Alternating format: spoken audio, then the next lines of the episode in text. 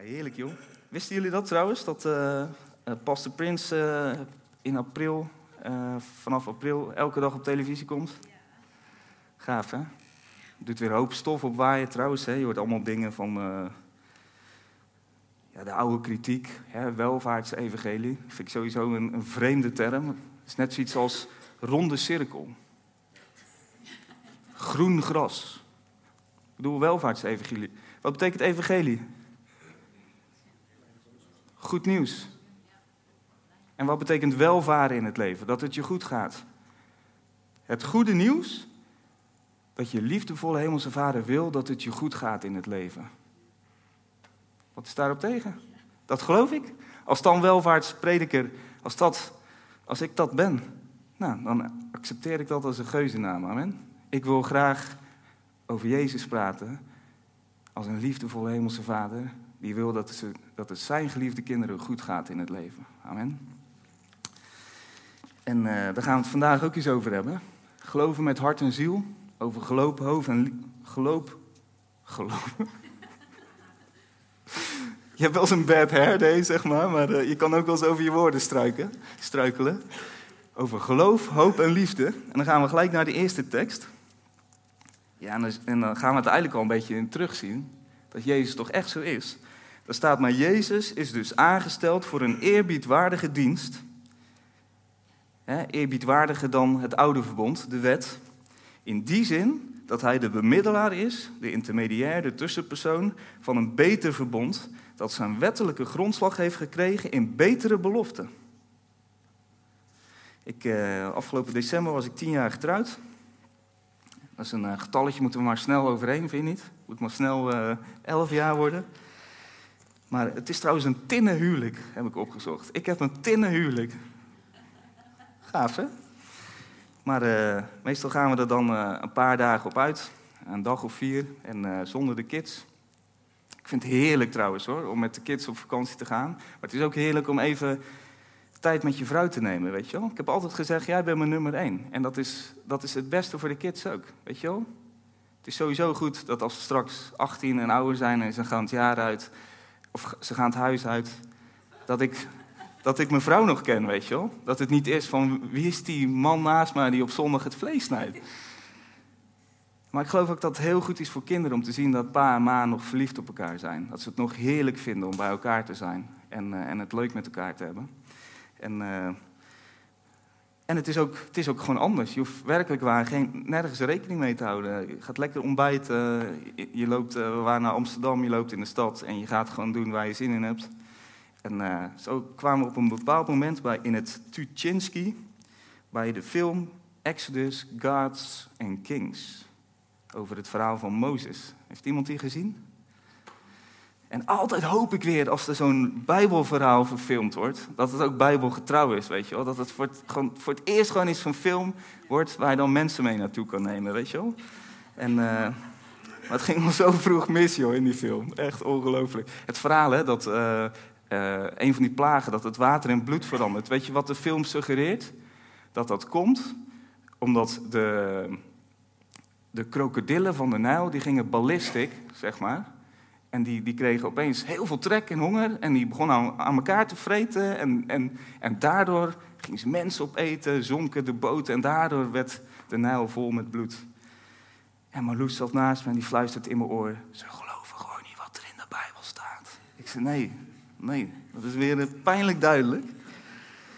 En toen dacht ik, man, geloven wij dat eigenlijk nog wel? Want er staat nogal wat, hè? In, in de Bijbel. Hier bijvoorbeeld, hè, dat, dat hij de bemiddelaar is van een beter verbond dat zijn wettelijke grondslag heeft gekregen in de betere belofte. Nou, je moet maar eens Deuteronomium 28 lezen, waarin wat de beloften waren van het oude verbond. Daar word je al heel blij van. En dan zegt, staat er over Jezus dat hij de bemiddelaar is van een beter verbond. Dat is nogal wat. En uh, ik dacht, ja, geloven wij dat nog wel? Of, of is de kerk en, en wat we geloven, is dat, ja, is dat iets van blij, blij, mijn hartje is zo blij? Gaat, het, gaat het over rustige en blije hartjes? En is de kerk uh, het clubje wat we hebben opgericht voor mensen met een zuur gezicht? En als je geitenharen sokken hebt, dan hoor je erbij. Dan mag je ook komen. Geloven we nog in wonderen? Geloven we nog in wonderen? Dat ik dacht, en zelfs dat is nog niet eens wat de Heer wil, dat wij in wonderen geloven. Wist je dat? God wil niet dat we een, een woestijnleven hebben. Hè? Dat we net uit Egypte zijn getrokken. Dat we door, door, het, door de woestijn trekken en af en toe verrast worden door een, door, door een wonder uit de hemel. waarvan we de afzender niet eens kennen. En nou ja, het probleem is in ieder geval opgelost. We gaan weer verder. Weet je wat de Heer voor ons wil? Die wil een wonderlijk leven voor ons. Die wil een leven vanuit het wonder. Vanuit kerst, vanuit Paarsen. Die wil, die wil een wonderleven voor ons. Waarin, die gewoon, waarin we met hem leven in het beloofde land.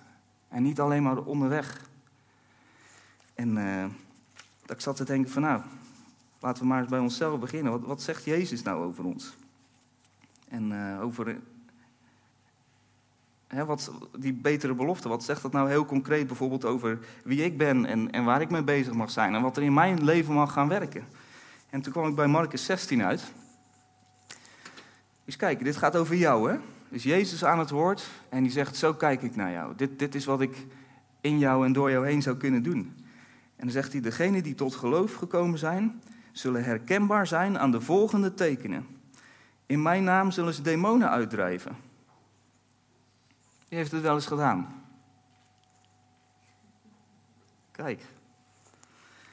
Ze zullen spreken in onbekende talen. Met hun handen zullen ze slangen oppakken. En als ze een dodelijk gif drinken, zal hun dat niet deren. En ze zullen zieken weer gezond maken door hun de handen op te leggen. Ik dacht, man, als we dit over onszelf zouden geloven en als we zo structureel in het leven zouden staan, dan zou Nederland er een stukje beter op worden, denk ik. Amen. Maar ik zie eenzelfde weigering toen ik, of hapering, hè, toen ik mijn kinderen leerde fietsen. En, en we het daarover hadden, hè, van papa gaat je leren fietsen, dan, dan zagen ze dat van tevoren echt als een schier onmogelijke zaak. Hè, en twijfel stak zijn lelijke kop op. Van, uh, dit kan ik helemaal niet, pap. En zorgen stak stak zijn lelijke kop op. Pap, straks val ik. En ik wist, binnen, ik wist diep van binnen, als ik naar mijn mannen kijk, ja, weet je, zo vader, zo zoon. Dit zijn winnaars in het leven, amen. Dit gaat lukken. En ik wist gewoon van, joh, fietsen, je bent nog tot veel meer in staat dan alleen fietsen, weet je wel. En dat zegt de Heer ook over ons, hè. Die zegt, uh, hij is in staat om in ons, door ons, oneindig veel meer te doen dan wij kunnen bidden, beseffen, dromen, verlangen, waar wij gepassioneerd voor kunnen zijn. Er staat in Efeze 3 staat dat, zijn macht staat er, is al in ons werkzaam. En, uh, en als het dan over leren fietsen gaat, dan uh,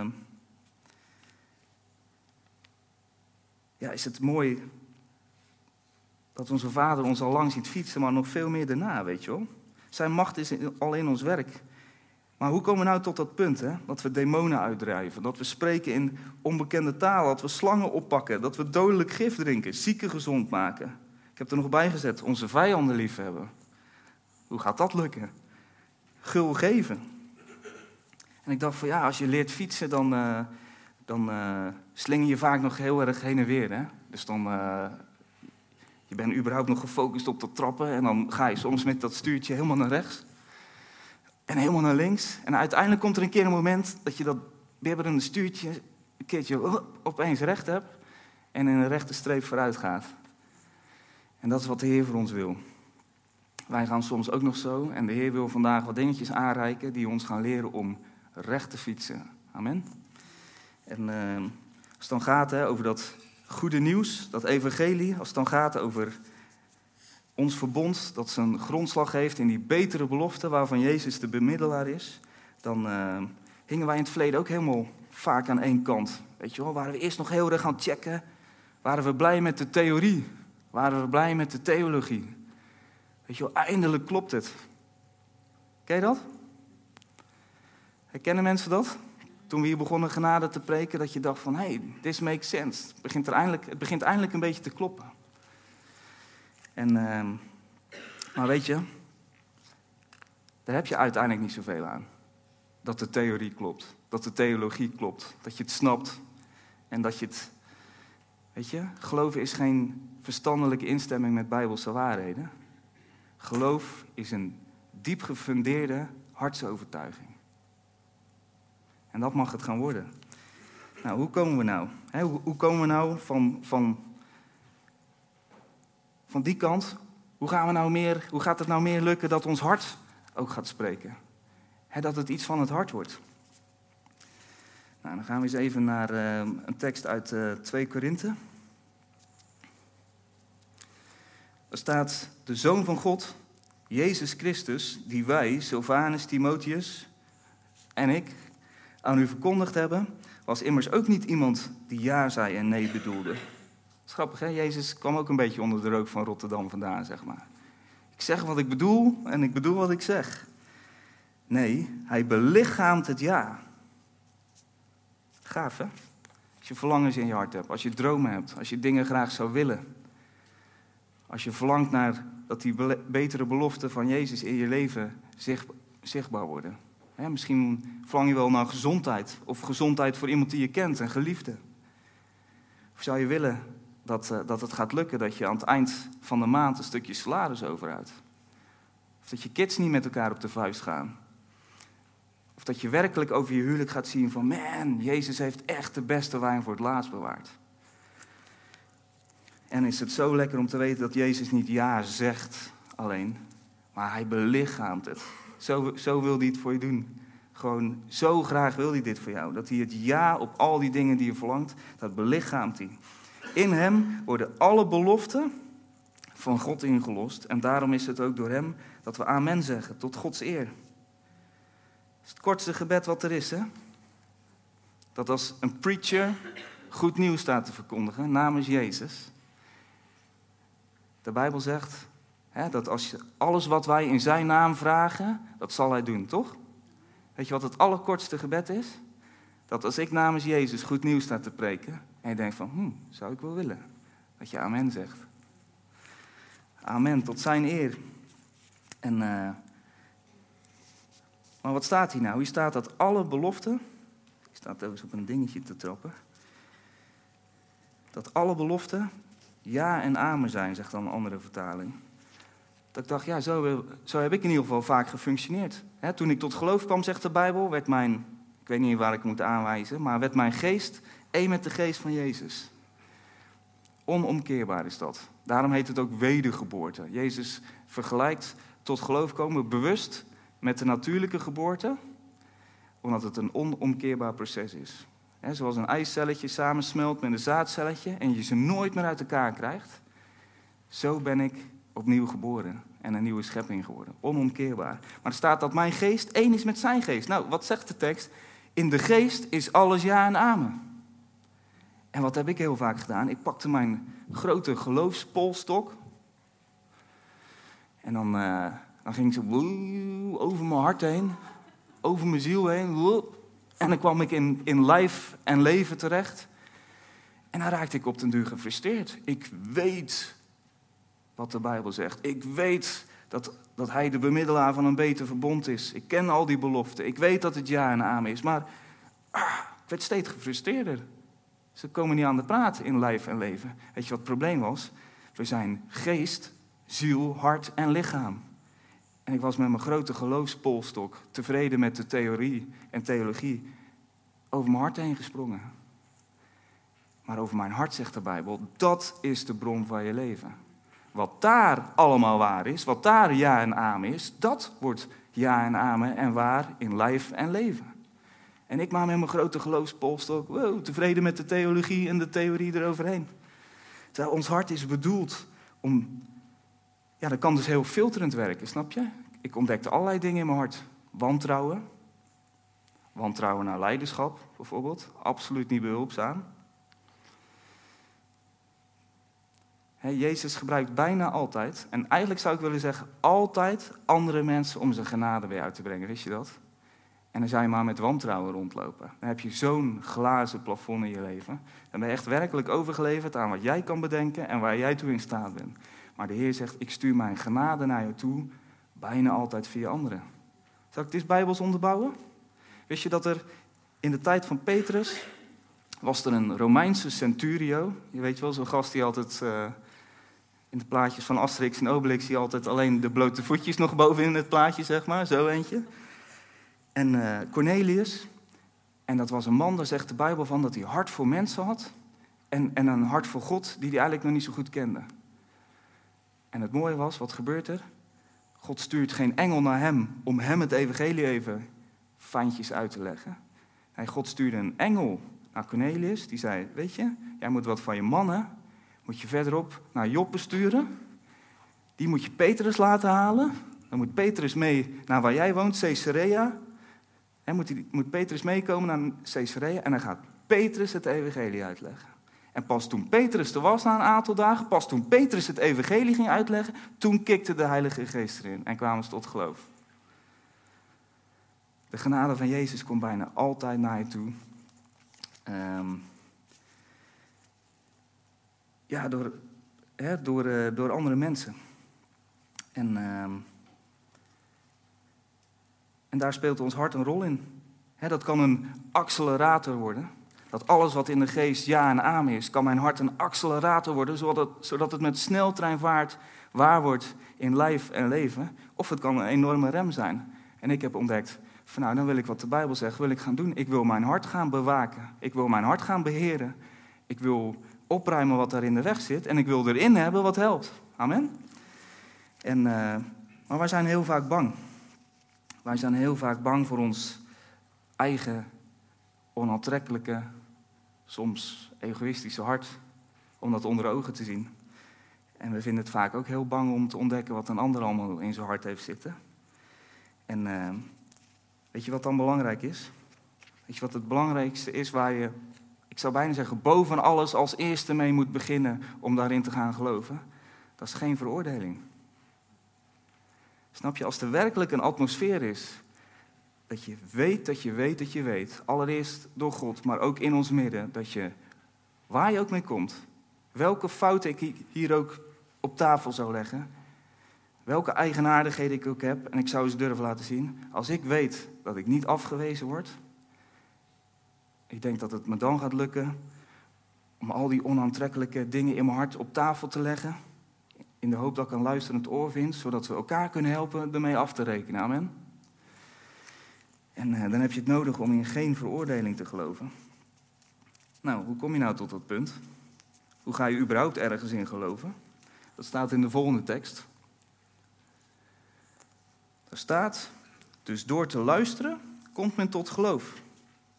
En wat men hoort is de verkondiging van Christus. Je, moet, eh, je mag lekker luisteren. Dan zegt de Bijbel, dan groeit er geloof in je hart. En wat moet je horen? Je moet over Jezus horen. Maar specifieker nog, in Galaten 5 vers 6, daar staat... In Christus Jezus is het volkomen onbelangrijk of men wel of niet besneden is. Amen, mannen tekst gaat verder trouwens hoor. Staat trouwens in de Naardense Bijbel. Ik zoek altijd bij een preek altijd, uh, kijk ik alle vertalingen door.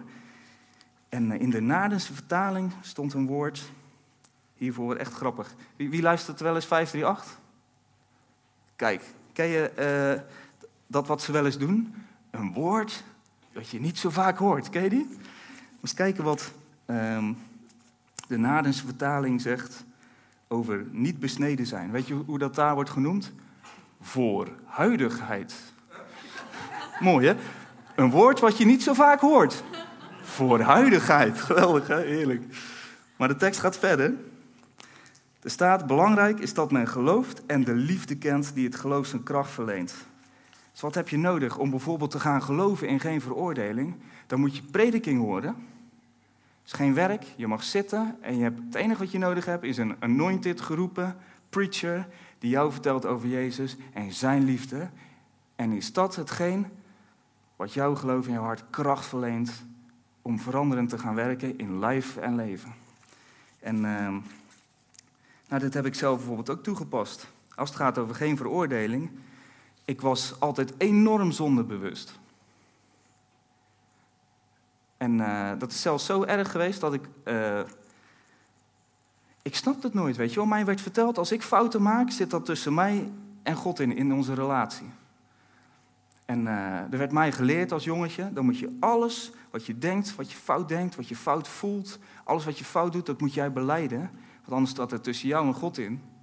En eh, dan kan hij je daarna niet meer leiden, hij kan je niet meer zegenen, hij kan je niet meer verhoren. En ik nam dat zo serieus, joh. Ik snapte die andere mensen om me heen niet. Die wachten altijd tot het, eind van de dag om de grote vijf te beleiden. Ik dacht, nee, is mij verteld dat alles wat ik denk, alles wat ik voel, alles wat ik verkeerd doe, zit tussen mij en God in. Ik moet het beleiden en opruimen op het moment zelf. En ik was de hele dag, ik ging soms naar de wc om, uh, om mijn zonde te beleiden, snap je? Ik had heel vaak het gevoel, ik, ik moet ze beleiden in geuren, kleuren, smaken, synoniemen. Soms moest ik douchen of er een nachtje over slapen om weer op te kunnen staan met het gevoel. Volgens mij zit het weer uh, oké tussen mij en God. En toen ontdekte ik, toen kreeg ik iemand die de Heer stuurde, een anointed preacher, die mij ging vertellen over hoe het werkelijk zit met de vergeving van Jezus. En wat zijn offer aan het kruis werkelijk heeft gedaan. Maar toen had ik wel een probleem. Want ik was gewend bij alles wat ik verkeerd dacht, voelde of deed om, om direct te gaan beleiden. En ik voelde me een beetje onheimisch, snap je dat? Oh, het, het zit anders, hoofdkennis. Um, hier, hier voel ik me heel vaak nog schuldig, schaam ik me nog heel erg. Maar ik wil dit wel hier gaan geloven. Ik wil hier gaan ontdekken dat ik vergeven ben, dat ik geaccepteerd ben, dat ik er mag zijn, dat ik goed genoeg ben. Dat ik een Jezusjongen ben. Weet je wat ik ben gaan doen? Ik ben op het, iedere keer als ik in het verleden mijn zonde ging beleiden, omdat ik me schuldig voelde, schaamde en omdat ik me smerig voelde, ging ik nu iedere keer als ik me schuldig voelde, ging ik beleiden hoe het echt zat. En hoe God mij echt zag. En wat er echt waar is over mij. Ik ging zeggen, ja, Jezus, echt bizar. Dank u wel. Dat met wat ik net heb gedaan, dat ik vergeven ben. Dat ik schoon ben, dat ik rein ben, dat ik zuiver ben. Dat u zelfs mijn motieven niet verkeerd inschat. Dat ik rechtvaardig ben, dat ik uw geliefde kind ben. En door die wandeling heen, eigenlijk preachen tegen mezelf, door mezelf te horen zeggen hoe het zit, door mezelf woorden van Jezus te horen uitspreken, door mezelf zijn liefde op mijn lippen te horen nemen, ben ik het gaan geloven, joh. En weet je, de oerreactie op zo'n ontdekking is niet dat je, dat je denkt, heerlijk, ik ben vergeven. Laat erop los zondigen. Ik heb, ik heb vergeving ontdekt, ik heb genade ontdekt. Ja, nou maakt het niet meer uit, nou ga ik er lekker mee door. Tom toch? Ik ga lekker door met mezelf beschadigen en anderen om me heen. Dat is geen genade, mensen. Jezus zegt, wie ontdekt hoeveel die vergeven is, zo iemand betoont veel liefde. Wie ontdekt hoeveel liefde die ontvangen heeft, komt voor het eerst pas tot het punt dat hij in staat is om gezond in het leven te staan en een ander gezond en normaal te behandelen. Geloof komt door te horen. Heel mooi verhaal in de Bijbel is dat van de bloedvloeiende vrouw. Het gaat trouwens over wonderen. Ik heb wel eens in Sliedrecht een, uh, een bloedvloeiende vrouw gehad. Kwam ik achter. Een vrouw die al jaren, uh, nou ja, bloed vloeide, zeg maar. Ik hoef verder niks over uit te leggen. Als het dan gaat over wonderen, is het werkelijk zo gebeurd. Ik had geen preek over genezing. Ik, heb, ik was niet over het avondmaal aan het preken en wat dat voor lijf en leven kan doen. Ik was aan het preken over Mephibozet, over de liefde van God. En die vrouw, die, die vrouw is meerdere keren bij genezingsdiensten wel eens geweest. En uh, er was er tijdelijk verbetering. En uh, terwijl ik stond te preken, vurig te preken over de liefde van Jezus, voelt ze tak. Achter in de zaal zat ze een tak, een tik in de baarmoeder. En het is nooit meer teruggekomen. Hè? En, uh, maar het is een heel mooi verhaal ook van de bloedvloeiende vrouw in de Bijbel. daarin komen die twee dingen samen namelijk. Snap je? Die vrouw wist wat er te geloven viel. Ze kende de theorie. Maar ze kwam met een heel prachtig hart. Snap je? Er staat over die vrouw, er staat ook echt bewust iets over haar verleden. Er staat dat ze al twaalf jaar bloed vloeide. Nou, dat was een groot sociaal probleem in de Israëlische maatschappij. Want de wet zei dat als een vrouw bloed vloeit, is ze onrein, mag ze niet onder de mensen komen. Heel vervelend probleem al twaalf jaar in sociaal isolement. Um, dan staat er dat ze alle haar geld had uitgegeven aan de dokters, aan verschillende dokters om geholpen te worden. En er staat wat het had uitgewerkt is, dat het er alleen maar erger op was geworden.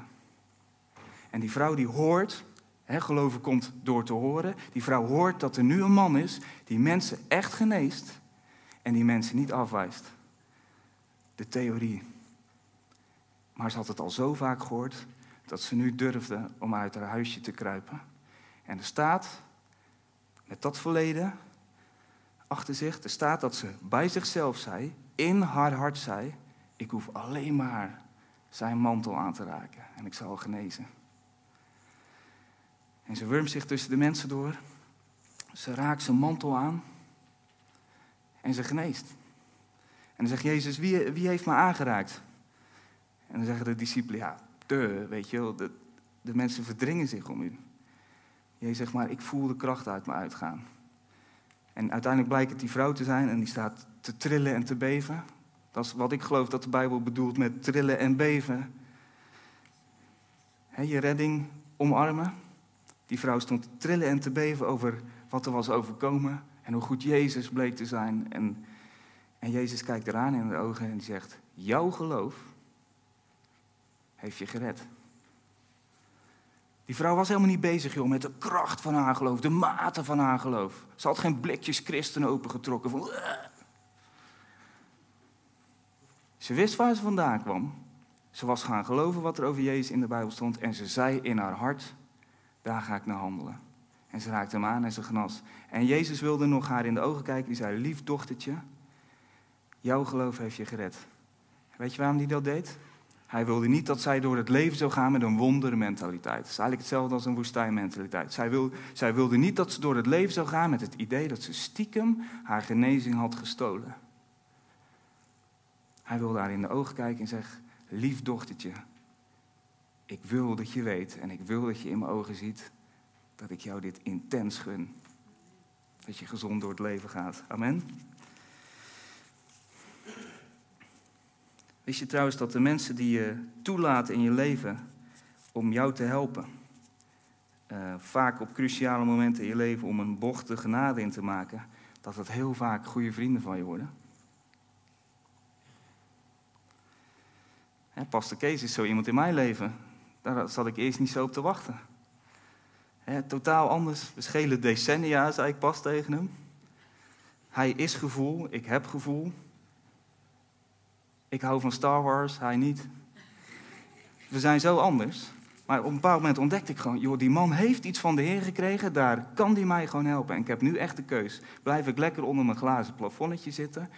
Of leg ik mijn hart op tafel en laat ik me gewoon helpen? En ik ben enorm geholpen, joh. En de grap is, ik heb, ik heb dat eigenlijk al vaker ontdekt. De mensen die God op mijn pad stuurt, en ik, als ik kies om me echt die genade te omarmen en me te laten helpen door ze, dat worden bijna altijd mijn goede vrienden. Grappig, hè? Misschien moet je hem ook eens omdraaien. Dat als er uh, geen of geen echte vrienden in je leven zijn, check je hart eens. Heb jij een hart wat geholpen wil worden door een ander? Ik denk als je daar een andere keuze in maakt, dan ga je meer vrienden in je leven hebben. Nou. Kijken hoor. Waar zit ik? Ik heb allemaal zijspoortjes, merk ik. Ja, weet je, er is een fenomeen. Ik had het net al over de geloofspolstok. Er is ook een fenomeen wat ik de geloofskaart noem. weet je wat er heel vaak gebeurt? Als, uh, laat ik maar over mezelf spreken. Als ik met mijn onaantrekkelijke, egoïstische hart geconfronteerd werd door mensen. Wist je trouwens dat dat heel vaak echt die mensen zijn hè, die van je houden? Ik had het er pas nog met onze leiders over. Dat, dat, dat ik zei van uh, uh, iemand die dat, je daar niet mee durft te confronteren. Ja, dat is, dat is geen vriend. Mensen die tegen mij durven zeggen: Hé hey Karsten, ik zie dat in je hart en ik zie dat, iets, dat je er last van hebt in je leven. Dat is liefde. Amen. Weet je hoe dat andere heet? Verwaarlozing. Ik zie dingen in de bron van jouw leven. Ik zie plastic flesjes, de bron van jouw leven, jouw hart vervuilen. Maar ik zeg er maar niks over, want ja, dat ga je niet leuk vinden als ik dat zeg. En ik ben blij dat er mensen in mijn leven zijn die zeggen: Karsten, in die bron van jouw leven, daar zie ik een plastic flesje. Moet je eruit halen, joh. Gaat goed voor je zijn en de mensen om je heen. En, uh, maar heel vaak, wat deed ik? Dan, uh, dan voelde ik me ehm, ja, je wantrouwt me, je, je schat mijn hart verkeerd in. En dan ging ik uh, geloofskaartjes trekken. En dan zette ik mijn pokerface op. Dan ging ik uh, geloofspoker spelen en dan, dan ging ik geloofskaarten opgooien, geloofsjokers. In de hoop dat ik daarmee de anderen buitenspel zette. Hé hey Karsten, ik zie, ik zie in jouw huwelijk zie ik dingetjes die beter kunnen. Hop, mijn geloofskaart op tafel. Ja, maar Jezus bewaart de beste wijn voor het laatst. Komt helemaal goed, joh. Komt helemaal goed. En de grap is, daar ben je niet mee geholpen, joh. Weet je wat ik ook vaak heb gehoord, bijvoorbeeld? Van, uh, hè, dan zie je iemand echt ongezond gedrag vertonen. En dan spreek je hem erop aan. En dan was het, ja, maar uh, kom op joh, is toch geen veroordeling? Ik leef toch onder genade? En zei ik van, ja, maar weet je wat er in de Bijbel staat? In de Bijbel staat in Romeinen 6, vers 14, dat wie de zonde mag niet langer over u heersen, want u staat niet langer onder de wet, maar u leeft onder de genade. Met andere woorden, als je werkelijk zou begrijpen in je hart wat de genade van Jezus is, maak je nog wel fouten, incidenteel, maar dan zal de zonde niet overheersen. Dan zou je geen slaaf zijn van ongezond gedrag voor jezelf en anderen. Dan zou je leven er werkelijk anders bij staan. Dus mag ik je confronteren? Ga jij nog maar eens een, uh, een cursusje genade doen? Dan gaat je leven werkelijk veranderen. Genade is geen, geen theologisch concept om het, het ongezonde gedrag wat je al had vanaf nu bijbels te rechtvaardigen. Dat is die geloofspoken. Nou, wat hebben we dus ontdekt? Dat al dat geloofspolstok hoog springen en die geloofskaarttrekkerij, die heeft ons nergens gebracht. Weet je wat we nodig hebben? Dat we net zoals die bloedvloeiende vrouw, dat we over Jezus horen, dat we over zijn liefde horen. Midden in de situatie, midden in de omstandigheden van ons leven, midden in de feiten van ons leven. Dat we het in ons hart laten komen. En dat we zeggen, Heer, ik wil daar geholpen worden. En dan gaat het gebeuren. Wist je dat Jezus ook zo was? Vind ik zo mooi. Hè? Op een bepaald moment, uh, dat is trouwens niet zo mooi, maar krijgt hij het bericht dat zijn, uh, zijn beste vriend ziek is. En dan gaat hij op pad en dan uh, ondertussen doet hij nog een wonder. En hij lijkt niet zo haast te hebben. En dan komt hij uh, bij de plek aan waar zijn vriend Lazarus inmiddels al een aantal dagen in, in het graf ligt. En dan komt, um, komt eerst Martha naar hem toe en zegt: Jezus, als u hier had geweest, dan had dit niet gebeurd. Als u hier eerder was geweest, was het niet gebeurd. Jezus naar het verleden. En Jezus heeft zoiets, maar ik ben toch hier in het nu, om hier en nu jou te helpen. Hij zegt, maar weet je dan niet dat je broer zal opstaan uit de dood? Zegt ze, ja, ik weet dat op de, de grote dag in de toekomst de, de opstanding der doden zal plaatsvinden. Jezus naar de toekomst. En later doet Maria hetzelfde, hè? degene die altijd aan zijn voeten zat om over hem te horen trouwens. En het, het grappige was, Jezus ziet, ziet dat. Ehm, hij ziet mensen huilen. Weet je wat er over hem staat? Hij leefde vol uit zijn hart. Er staat dat, hij, dat hem dat ergerde. Het ergerde hem dat mensen verdrietig waren over wat er was gebeurd. Het ergerde hem dat er dood en ziekte was. En tegelijkertijd staat zelfs dat Jezus huilde. Hij huilde om de vriend waarvan hij wist dat hij een paar minuten daarna uit de dood zou op, oprichten. Hij zat er vol met zijn hart in. Dat vind ik zo aantrekkelijk aan God. Hij zit vol met zijn hart. Leeft hij uit zijn hart. Staat hij midden in het leven en staat hij met hetzelfde hart midden in mijn leven en midden in jouw leven. Hij huilt mee waar nodig. Hij ergert zich waar nodig. Als er dingen zijn die helemaal niet bij mijn leven horen. Maar weet je hoe het eindigt? Dat hij zegt, vader, ik weet al lang. Ik geloof al lang wie u bent. Ik ken u al zo goed. Ik weet al lang wat er gaat gebeuren. Maar omwille van de mensen om, om me heen ga ik het ook nog maar eens even woorden aan geven. En dan zegt hij, Lazarus, sta op. Gaaf hè? Bij Jezus kwam het helemaal samen. Bij de bloedvloeiende vrouw kwam het helemaal samen. Weten wat er te geloven valt, maar wel echt midden in de situatie, midden in het leven, het daar krijgen in je hart. Daar gaat het om. En, uh, en daar kunnen we bij, bij helpen. Weet je, Lazarus kwam op een bepaald moment uit het graf, hè? Zo. En Jezus, weet je wat Jezus zei tegen de, tegen de omstanders? Van, willen jullie de doeken van hem afwikkelen? En dat is wat wij ook bij elkaar mogen doen. Die grafdoeken staat beeld voor veroordeling.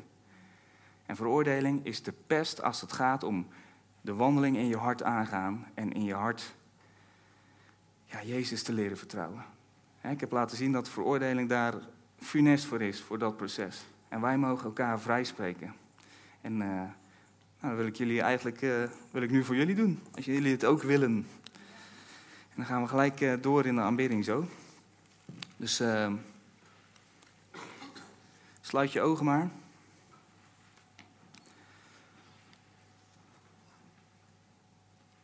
Ja, daar zegen ik jullie mee. Dat, uh, ja, dat het nieuwe verbond, dat het goede nieuws, dat dat geen uh, theorie blijft. Geen theologie die klopt. Uh, of erger nog, dat het geen theorie is die je gebruikt om ongezond gedrag in je leven nu met de Bijbel in je hand mee te rechtvaardigen. Maar dat genade de liefde van Jezus werkelijk iets wordt wat je voelt, beleeft en ervaart. Niet op wondermomentjes, niet incidenteel, maar op structurele basis. En uh, ik zegen jullie dat wat er ook achter je ligt, net zoals de bloedvloeiende vrouw, hoeveel jaren er ook achter je liggen, wat er ook gebeurd is, wat je ook aangedaan is, wat je ook zelf hebt veroorzaakt. Ik zegen je dat je, dat je in je hart ontdekt dat Jezus jou nooit afwijst. Dat Jezus tegen jou zegt, jij mag er zijn, jij bent, ja, jij bent niet goed genoeg, jij bent zeer goed. Zoals hij dat tegen Adam en Eva zei. Jij bent mijn geliefde kind. Dat je dat in je hart ontdekt.